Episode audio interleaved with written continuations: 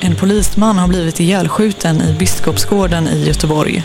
Mordet på en polisman i Biskopsgården i juni sänder chockvågor över hela Sverige. Det är helt sjukt. Det är för jävligt. Det är sorgligt. Idag börjar rättegången mot en 17-åring som misstänks ha mördat honom. Åtalet avser mord, försök till mord och grovt vapenbrott. På en kvart får du veta hur ett vapen från en militärhistoriskt intresserad man i Slovakien hamnade i händerna på en 17-årig kille i Göteborg. Det tar i hjärtat liksom vi som jobbar med det här dagligen med att skydda, hjälpa och ställa till rätta. Det är måndag den 8 november. Jag heter Alexandra Karlsson. Det här är Dagens Story från Svenska Dagbladet.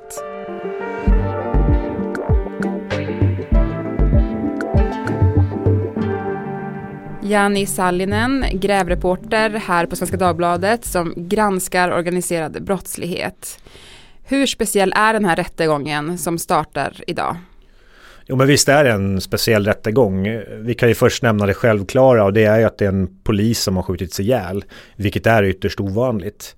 Och det förtjänar all uppmärksamhet. Eh, det var en polis som arbetade i fält eh, i, ut, i utsatta områden.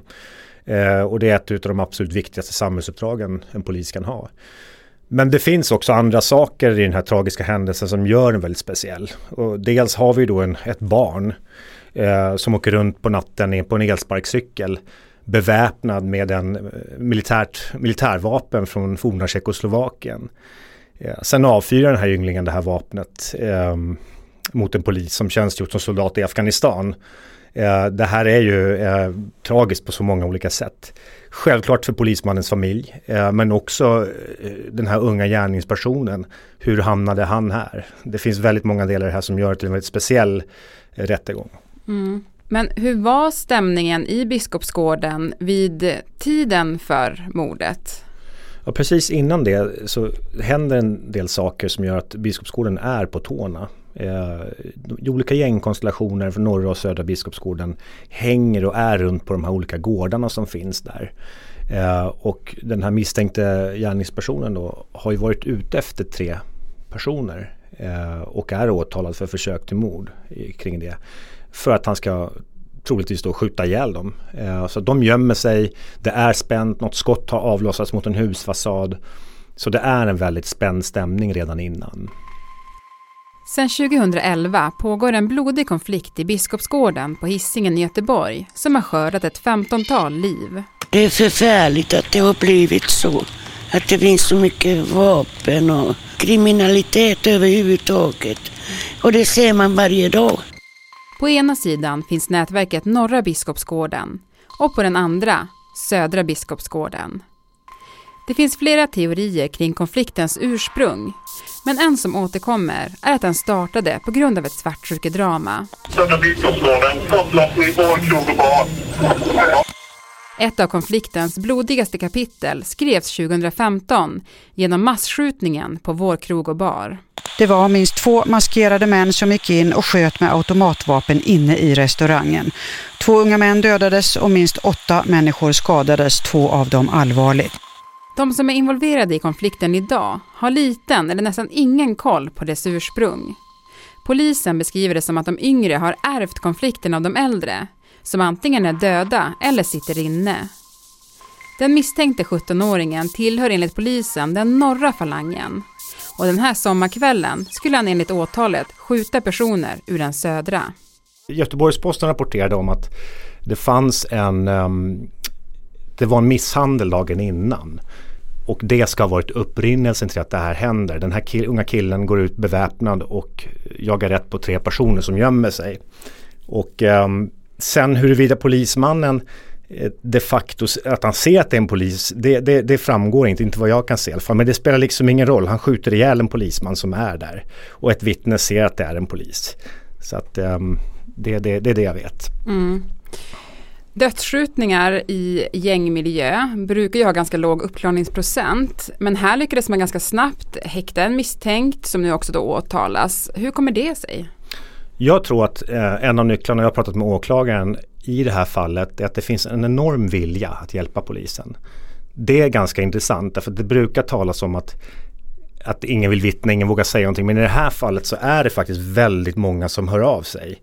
Eh, och det gör att man snabbt kan knyta gärningspersonen till, till kläder och munskydd som man hittar. Det är faktiskt en man som är ute med en hund i en skogsdunge.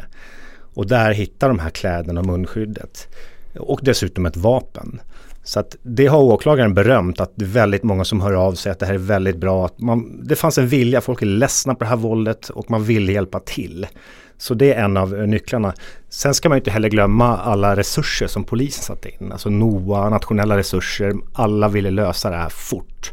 Och när det gäller mordfall då ska det ju gå fort, annars så svalnar ju spåren. Så hur ser bevisningen ut då mot den här 17-åringen? Ja, det ser, det ser ganska starkt ut. Um, och det centrala här är att man har hittat kläder och ett munskydd. På det här finns det DNA. Och det här DNA går att knyta till gärningspersonen. Härefter så har vi utredningen också fått svar om att den nu åtalade personens DNA sitter på fler utav de här klädesplaggen som är påträffade. Och det finns också tändsatspartiklar från de här kläderna. Sen finns det en massa videoövervakningsmaterial där man ser den här killen med de här kläderna och munskyddet. Um, och på kläderna hittas också något som kallas för tändsatspartiklar. Och det är egentligen när du avfyrar ett vapen så kommer det som ett fint damm som kan lägga sig på kläder och åka ner på marken. Um, så du har de beståndsdelarna. Och där de här kläderna hittas, där finns eh, också en sten, alltså en betongsten. Lyfter man på den och där ligger den här eh, lilla automatvapnet. Så att allt är på samma plats och dessutom de kulorna som då eh, hittas på platsen där mordet skedde och i polismannen Eh, det är från det här vapnet. Mm. Och du pratar ju mycket om vapnet här. Du har ju tillsammans med en eh, annan eh, kollega till oss, Mattias Ståhle, skrivit en bok som heter Vapensmederna, männen som beväpnar Sveriges kriminella. Och jag vet ju att du reagerade när du läste den här för, förundersökningen om just mordvapnet. Berätta. Ja, precis. Och då kan man bli lite nördig därför att när vi sitter och granskar illegala vapenhandeln så där, när det går så sparar vi tillverkningsnummer. Det är sådana unika ID-nummer på de vapnen som kommer till Sverige. Och eh, ganska så direkt när jag fick förundersökningen så tittade jag på det här tillverkningsnumret och då gav det en träff. Ja men då ser vi att det är det här Skånenätverket som vi kallar dem. Det är en trio som har smugglat vapen från Slovakien från 2014 och framåt i, i några hundra stycken. Och det var många skorpioner, det mordvapnet som användes. Så att det här är givetvis eh, kittlande därför att det här är ju det är obehagligt, det är samtidigt, det, det, berättar, du får en större bild. Att det är ett maskineri, liksom ett kriminellt ekosystem som är i snurrning här eh, när det sker ett mord. Mm. Och som jag förstår det så besökte du också den här vapenhandlaren där vapnen kommer ifrån. Varför då? Den som har sålt de här vapnen, det är en äldre man i Slovakien utanför Bratislava som han, han, han driver en jaktgård, fasanjakt och är eh, militärhistoriskt intresserad och driver sådana här liveföreställningar med gamla krigs, eh, krigs och fältslag. Så han har en enorm tillgång till, eh, eh, till vapen och det är där de har varit och handlat. Så vi ville förstå och prata med honom och se vad han tyckte om det här. Ja, vad sa han om det då? Vad hans vapen används till? Ja, alltså han, det här var obehagligt för familjen, det är det första att säga. Det, det märktes när jag träffade dem. Men det är också, de, de vill frånsäga sig att ansvar eftersom det är obehagligt, det är ju det. Men samtidigt så vill man liksom inte, jag tror han drog en parallell till en bil. Om du köper en bil som har tillverkats av Seat så kör du den och krockar med den i Sverige. Är det Seats fel? Ungefär så, eller är det försäljarens fel? Och sen när han sålde vapnen till de här svenska männen, då var ju det lagligt i Slovakien. Så de begick ju inga fel men det moraliska här, det vill de liksom inte skjuta ifrån sig.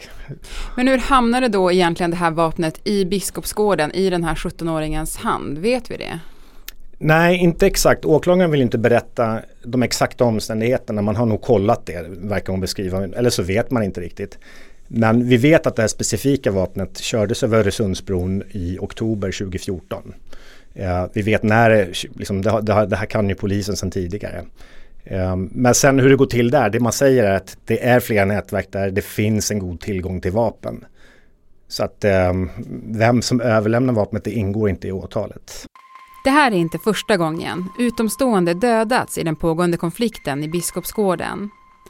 2015 sprängdes en bil i en rondell i Torslanda. I den satt en fyraårig flicka som hade varit och fiskat med sin pappa. Flickan, hennes pappa och två till män dog i sprängningen. Målet var en ledande person i gängkonflikten som färdades i bilen. Ett eh, exempellöst dåd, det är ett horribelt dåd eh, där eh, fyra personer omkommer varav en är en väldigt liten flicka. Bara ett år senare blev ännu ett oskyldigt barn offer i gängkonflikten. Då en åttaårig pojke som dog efter att en handgranat kastats in i en lägenhet i Biskopsgården. Vi håller på att utreda nu vad det är som har exploderat i den här lägenheten. I den här lägenheten befann sig väldigt många barn och även vuxna. Att utomstående drabbas av gängens uppgörelser har enligt polisen blivit vanligare. Men att just en polis dödas i tjänsten är väldigt ovanligt och mordet skakade hela landet. Den här 17-åringen då, vad, vad säger han om det här? Bland de här gängen så är det ju det som man alltid säger, det är ingen kommentar. Nästan genomgående i förhören är det ingen kommentar. Eller så är det, eh, sveper bort liksom, säger att han var hemma och det, liksom, det kommer inte något riktigt ur förhören. Det är långa och djupa frågor från polisen. Men den misstänkte säger inte så mycket. Och, eh, så det är inget erkännande här på något sätt från honom. Och jag förstår att, att den här 17-åringens mamma har, har varit orolig för att det här skulle kunna hända. Ja, och det ser man i förundersökningen att det här är eh, det finns en, en lång rad av eh, liksom anmälningar, oro från hennes sida eh, kring sitt barn, kring sin son. Och det här, är, det här är ett larm som i alla fall jag har sett förut, att det här brukar finnas. Eh, men vad händer? Hur agerar man på den här personen är ju ute och uppenbarligen har tillgång till vapen. Så någonting, det är någonting som slår väldigt fel här och det är också väldigt känslosamt att läsa om hur frustrerad mamman har varit. Eh, det är en familjetragedi även där. Mm. Och här är det en mamma som klart och tydligt har försökt ropa på samhällets hjälp. Ja, så är det. Absolut. Mm.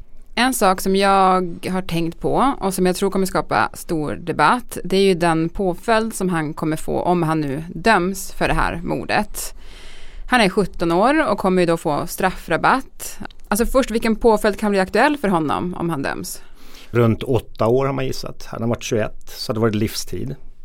Så precis som du säger, det är, straffrabatten kommer ju träda in. Och det här är ju också någonting som diskuteras i svensk politik just nu. Det är ju straffrabatten. Det finns en otrolig ilska mot att det, att det ska vara så här när vi vet att gängen har satt i system att lägga ut mord på entreprenad. Eh, nu kanske det inte var så i Polismannen-fallet men det jag säger är att, eh, att man utnyttjar det faktum att, att det är unga personer som sätts att skjuta. För att ja, det blir ändå inget straff och den som verkligen har beställt mordet åker aldrig dit. Så det här är någonting som, som är väldigt hett eh, just nu. Till sist då, vad kommer den här rättegången och domen få för följder tror du? Ja, alltså en, en självklar eh, grej borde ju kanske vara debatten som uppstår efteråt. Det vill säga om det blir straffrabatt och hur mycket blev det och eh, när kommer gärningspersonen ut? Var det rätt eller fel? Och den debatten kan ju göra att politikerna får lite eld i baken. Alltså att, mm, att vad, vad, ska vi göra? Det måste snabbutredas eller om man, ja, vad man nu gör. Men det, det är en, en, sak. Men sen ger ju också den här, det här fallet ger ju en, på något sätt en, en unik inblick i gärningspersonens liv och familjeförhållanden. Och det ser man i förundersökningen. Och då ställer jag mig frågan, det här med socialtjänst och skola. Vi pratar ofta om polisen men, men eh, i det här fallet så har du en mamma som har varnat och flaggat så många gånger innan. Eh, ingenting händer. Och det är väldigt vanligt att de här unga skyttarna har en lång rad av varningssignaler från skola och socialtjänst innan. Hur kommer man åt det? Så jag tror att det här är, det, det är många, väldigt många intressanta punkter som sammanfaller i det här fallet som, som, som förhoppningsvis ska debatteras. Tack Janni Salonen för att du var med i Dagens Story. Tack. Programmet idag klipptes av Lasse Edfast. Redaktör var Teresa Stenler von Matern. Och jag heter Alexandra Karlsson. Klippen som hördes i dagens program kom från Sveriges Radio, SVT och Expressen.